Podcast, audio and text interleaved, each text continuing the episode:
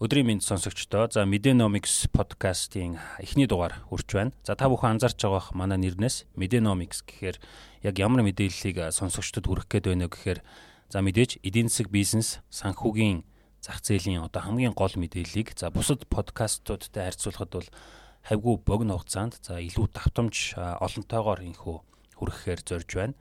За өнөөдрийн үед бид нэр мэдээллийн одоо өнөөдрийн манай подкастын дугаарын гол сэдэв бол захирлын тань дүрд хуурж видео дуудлага хийх нь захим залливчдын дараагийн арга мэх болох нэ гэсэн за энэ дэлгэрэнгүй нийтлэлийг бол бид баяжуулаад маш сонирхолтой байдлаар бас сонсогчдод хүргэхээр бэлдсэн. За энэний өмнө өнөөдрийн Bloomberg-ийн за мөнгөний урсгал хэмээх ньюслетерт орсон гол мэдээллүүдийг маш товч байдлаар хүргэх болно. Тэгэхээр сонсогч та бүхэн манай мэдээлэлтэй хүргэлж хамт байснаар ийхүү шийдвэр гаргахад бас хэрэгтэй гол мэдээллүүдийг маш зэгцтэй байдлаар богино байдлаар зоригт одоо өнөөдөр надтай хамт хүргээд явах болно. Тэгэхээр өдрийн мэнд зоригтой. Өдрийн мэнд. За манай Bloomberg телевизийн ерхий редактор байгаа.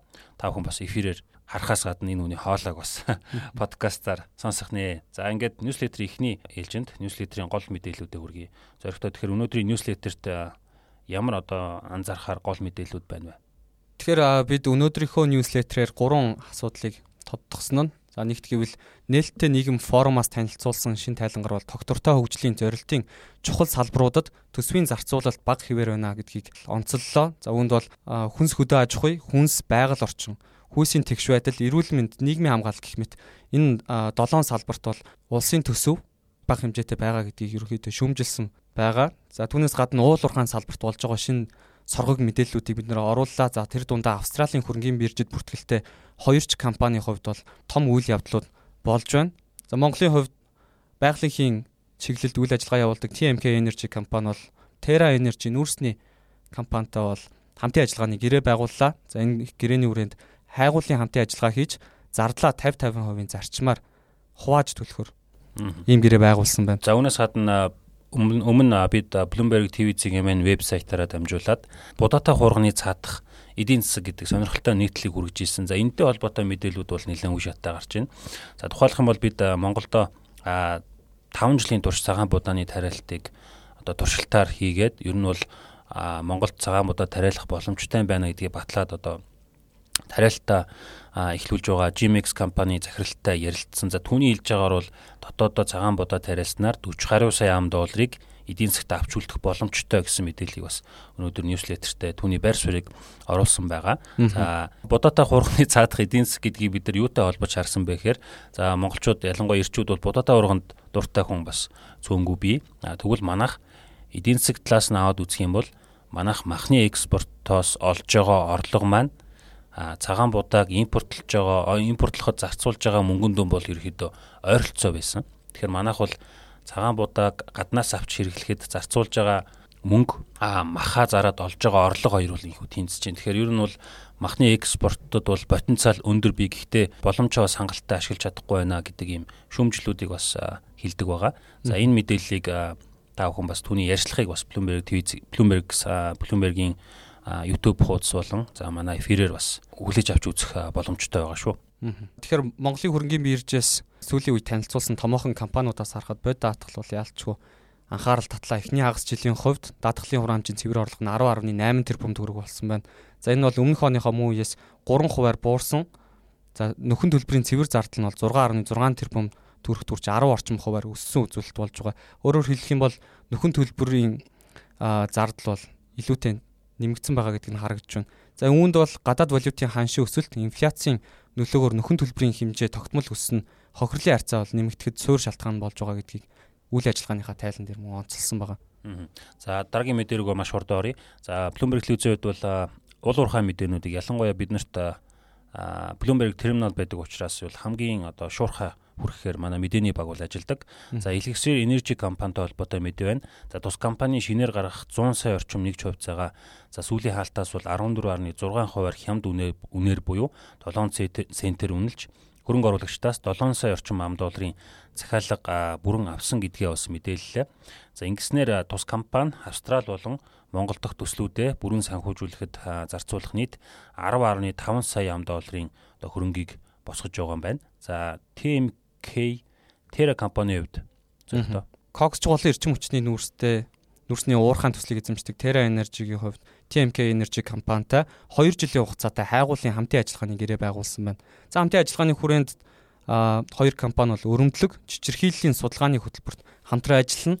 Дээрээс нь мөн зардлаа 50 50% зарчмаар хуваахаар байгаа. За Terra Energy компанийн хувьд бол TMK-ийн нүүрсний давхаргын метанхийн 3-с 35 төслийн талбайд барилдаг баруун ноён уул нүүрсний урхааг эзэмшдэг гэдгээр хоёр компанийн хувьд бол нэлээд ойр үйл ажиллагаа явуулдаг компаниуд байгаа.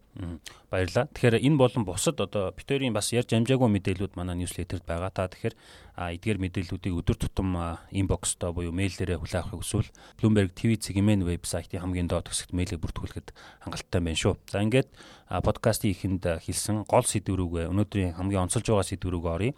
За гимт хэрэгтнүүдийн зэвсэглэлд За кибер гэмтэрэгтнүүдийн зэвсэглэлд хамгийн сүүлд нэмэгдсэн технологийн нэг нь за дуу хоолойг хиймлэр үүсгэх програм хангамж болоод байгаа тухай сонирхолтой нийтлэл байгаа. Тэгэхээр ер нь бол юу болоод өнгөрөө зөрөхтэй. Ер нь бол танаа босс ч тань руу өөрийнхөө одоо таны боссын дүрээр одоо захим залилагчд бол видео дуудлага хийгээд одоо мөнгө шилжүүлэх хийж гэдэг юм уу. Ийм боломж технологийн үед бүрдчихэд одоо тодорхой кейс гарчаад байна шүү дээ. Тэгэхээр нэгэнт санхүүгийн залилан хиймэл оюуны асуудал ярьж байгаагийн энэ удаагийн дугаарыг бас ятгах тусам нэгтэл гээд тийм хөөхөө өрөөтэй явчвал зүгээр юм уу гэж бодож байна. За үүн дээр бол хиймэл оюуны асуудал бол яалтчгүй энэ цахим залилангийн залиланг эрчтэй нэмэгдэхэд түлхэц болох нь гарцаагүй гэдэг дээр доо санхүүгийнхэн банкныхан технологийн салбарын бүгдээрээ санал нэгдэж байна. Зүгээр жижигхэн тоо үзүүлэлт харлаа л да. Одоогийн байдлаар 2022 оны байдлаар бол санхүүгийн залиланд нийт 8 их 80 ам доллар жилд эргэлддэг юм байна. Их 80 ам доллар. Их 80 ам доллар. Тэгэхээр дэлхийн 3 дахь том эдийн засаг, 4 дахь том эдийн засаг Япон, Германы эдийн засгийг нийлүүлсэнтэй бараг дүүцэх хэмжээний ийм их мөнгө цахим залилан дээр эргэлдэж байгаа. За тэгээ 2025 онд бол 10 их 80 давж яваад ерөнхийдөө хиттийн эдийн засгийн хагасаас даваад явчих. Ер нь хиттийн эдийн засаг руу дүүцэх тал руугаа хүрээд явхаар ийм том их мөнгө эргэлддэг. За энэ дундуур яг бодтой кейсийг би маш товчхон хэлье. За 2019 онд яасан гэхээр Их Британий эрчим хүчний нэгэн компани гүйцэтгэх захирал захим залилагчид за 220 мянган евро алдчихсан байна. За Герман дахь толгой компанийн захиралтай яг ижлэхэн хоолойтой нэг хүн түүн рүү залгаад за Унгарын нэгэн ханган нийлүүлэгчид мөнгө гуйлахыг хүссэн. За хуурамч дуу хоолойг хиймэл оюун ашиглан бүтээсэн болохыг одоо хохирогч компанийн даатгагч Euler Hermes-ийн одоо залингийн гимтэргийн мэрэгчлэлтэн Rudiger Kirsch мэдээлсэн байна. За манай энэ пост бол бас манай Facebook-т орсон байгаа. За яг л одоо тэр захиралтай төстэй царайг ингээ үүсгэсэн видео кол хийсэн байгаа юм л та. Тэгэхээр энэ бол 220 мянган евро гэдэг үл их мөнгө. Тэр ийм хэмжээний одоо боттой кейс гарсан байна. За тэгээд бас зарим комментуудыг уншиж хахад за ийм видео кол те ийм voice call байх бай. SMS-т манайхан хуртаад байгаа шүү дээ гэсэн комент бас харж исэн байна. Тэгэхээр ер нь бол ятгах тусам нягтл гэж зоригтын төрөв хэлсэн шиг энэ мэт одоо цахим лөөрөөд бол улам уламд одоо боловсронгуй болж байгаа энэ цаг үед бид нар бас мэдээлэлтэй ойр байхын чухлыг харуулж байгаа шүү байна. Яг технологийн хувьд авч үзвэл яг одоо интернет дээр хүний хоолойны 30 секундын хоолойны бичлэгээр дурын текстийг уншуулж өгдөг програм бол үнгүй байж байдаг. Тэгэхээр бага хэмжээний жижиг хэмжээний залилан дээр авч үзэхэд юу байдیں۔ Аав руу voice call явуулаа тий. Аваа тийшээ таксины мөнгө байд юм уу? Эсвэл би хүн зээлээ төлөх гэсэн юм аа. 100 мянган төгрөгийн данс руу хийчих. Гэт яг хүүхдийнх нь хоолоогоор явуулахад аль хэдийн ялгагдахааргүй төвшөнд хүрсэн байгаа. Тэгэхээр олон улсын банкнуудын хувьд Монголыг одоо ямар байгааг мэдэхгүй л байна л та. Дэлхийн томоохон банкнуудын хувьд аль хэдийн энэ үүний эсрэг арга хэмжээ авах тал дээр яаж авах вэ гэдэг дээр анхаарал хандуулад эхэлсэн байгаа юм байна. За Австралийн хамгийн том ритейл банкнуудын нэг бол Commonwealth Bank. За Commonwealth Bank бол 26 сая хүнтэй Австрали улсын хувьд хяналтын програмаараа өдөр болгон 85 сая гүйлгийг хянж байдаг. 26 сая хүнтэй 85 сая. За Deutsche Bank Германд жишээ нь өөрсдийн Black Forest гэдэг системийг бас дөнгөж саяхнаас боловсруулж эхэлсэн. За үүндээ бол хиймэл оюун ашигласан байж болох уугүй юу? Ямар нэгэн хэвийн бос үйл ажиллагаа мэдрэгж гин үгүй юу гэдгийг тодорхойлдог ийм програмуудыг боловсруулад хиймэл оюуны эсрэг энэ хиймэл оюуныг ашигласан санхүүгийн ловрын эсрэг ийм хөтөлбөрүүдийг програмуудыг боловсруулад ажиллаж байгаа юм байна. Их Британд харсан чинь 30 банк нийлээд Риши Сунагт төсөлт тавьж л те. Технологийн салбарынхныг энэ банкнуудын томоохон эдийн засгийн леврууд анхаарал хандуулахад нь чиглүүлж өгөөч гэдэг хүсэлтийг тавьсан. За Риши Сунак хажууд нь за бид нар дээр энэ дээр шинэ эрх зүйн орчныг бүрдүүлэх тал дээр ажиллаж байна гэдгийг тодорхойлсон. Яг ерөн технологи талаас нь харахад бол саяхан бид нар хиймэл оюуны талаарх чатбот гарч ирснээс хойш маш их анхаарал хандууллаа шүү дээ. Гэхдээ deepfake буюу хүний дуу хоолойг дуурайлгах, зүс царайг дуурайлгах технологи бол за миний мэдхийн сүүлийн 5 жил бол нэлээд сайн хөгжсөн, хангалттай дата байх юм бол маш сайн сургачих боломжтой тийм байгаа. Өнгөрсөн 8 дугаар сард одоо жил болгоно хакеруудын тэмцээн болдог л доо. Тэрэн дээр тус тэмцээнийг зохион байгуулсан зохион байгуулагчийн царайг яг өөрийнхөө царайг камераар өгөөд лайваар хувиргаж харуулсан байгаа. Тэр үед тэр тэмцээнд оролцож исэн бүх хүмүүс алга тарч баяр үргэжсэн. Нэг талаасаа бол технологийн хорхоотнуудын хакеруудын хувьд бол аль хэдийнэ энэ бол хэрэглээнд нэвтэрчихсэн бэлэн болчихсон технологи учраас нөгөө талаасаа биднэрт сэргийлэх зайлшгүй шаардлагатай болж байна гэдгийг сая таны хэлсэн жишээнээс бас хэрвээ таны захирал санхүүгийнхаа санхүүгийн хүн рүүгээ залгаад одоо 200 мянган доллар тийшээ шилжүүлчихээ гэвэл хүн бол ер нь шилжүүлэн дээ. Яг үнэ. Видео коллоор ч н одоо бидний санаал бол одоохондоо орохгүй байх шүү. За яг специфик илүү нарийн мэдээлэл рүү орох юм бол 8 дугаар сарын 17-нд Google-ийн эзэмшдэг кибер аюулгүй байдлын Mandiant компани за захим орчинд deepfake гэж нэрлэгддэг хуурамт бичлэгийн технологиг залилангийн зорилгоор загварчилж борлуулж байсан анхны тохиолдлыг бүртгэсэн юм байна.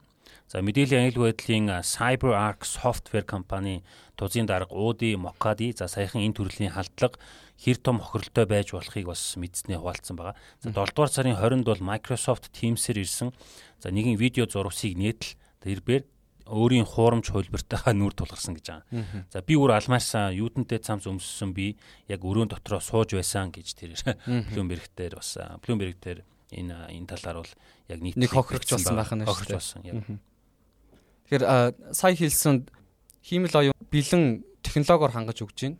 Deepfake болгох юм уу яад юм. Тэр нь dark web буюу одоо энгийн браузераар хандаж болдоггүй интернетийн далд хэсэгт зарагдчихэдэг. За үүний хувьд бол Bloomberg-ийн судалснаар бол 20 доллароос хэдэн мянган доллар хүртэл одоо ингээд package програм маягаар эсвэл Google extension, Chrome extension гэдэг ч юм уу те. Иймэрхүү байдлаар хадгалагдчихэдэг.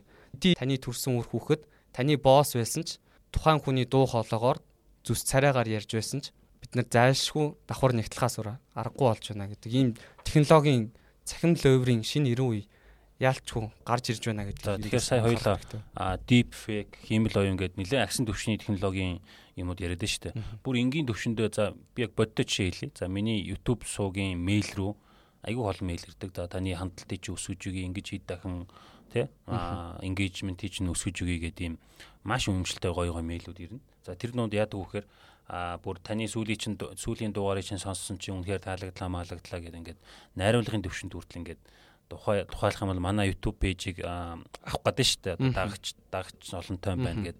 Тэгэхээр маш үнэмшилтэй үнэмшилтэй мэйлүүд ирдэг шүү, худлаа шүү. Би бол тэр мэйлүүдэд нэгэнд нь ч хариулж байгаагүй зүгээр устгал орхиж исэн. Тэгэхээр энэ мэт За одоо бүр энгийн төвшнээс ихсүүлээд одоо технологийн хувьд ийм өндөр төвшний залингийн хэрэгүүд маш олон байгааг одоо Bloomberg-ийн нийтлэлүүд болон бусад мэдээллүүд инхүү харуулж байна. За ингээд манай эхний дугаарыг хүрээд өндөрлж байна. Манай дараагийн дугаараар мөнгө та бүхэнд шийдвэр гаргахад хэрэгтэй сонирхолтой сэдвэр маш товчхон байдлаар хүрэх болно. Дараагийн дугаараар эргүү уулзцгаая. За баярлалаа зөрөгтэй. За баярлалаа.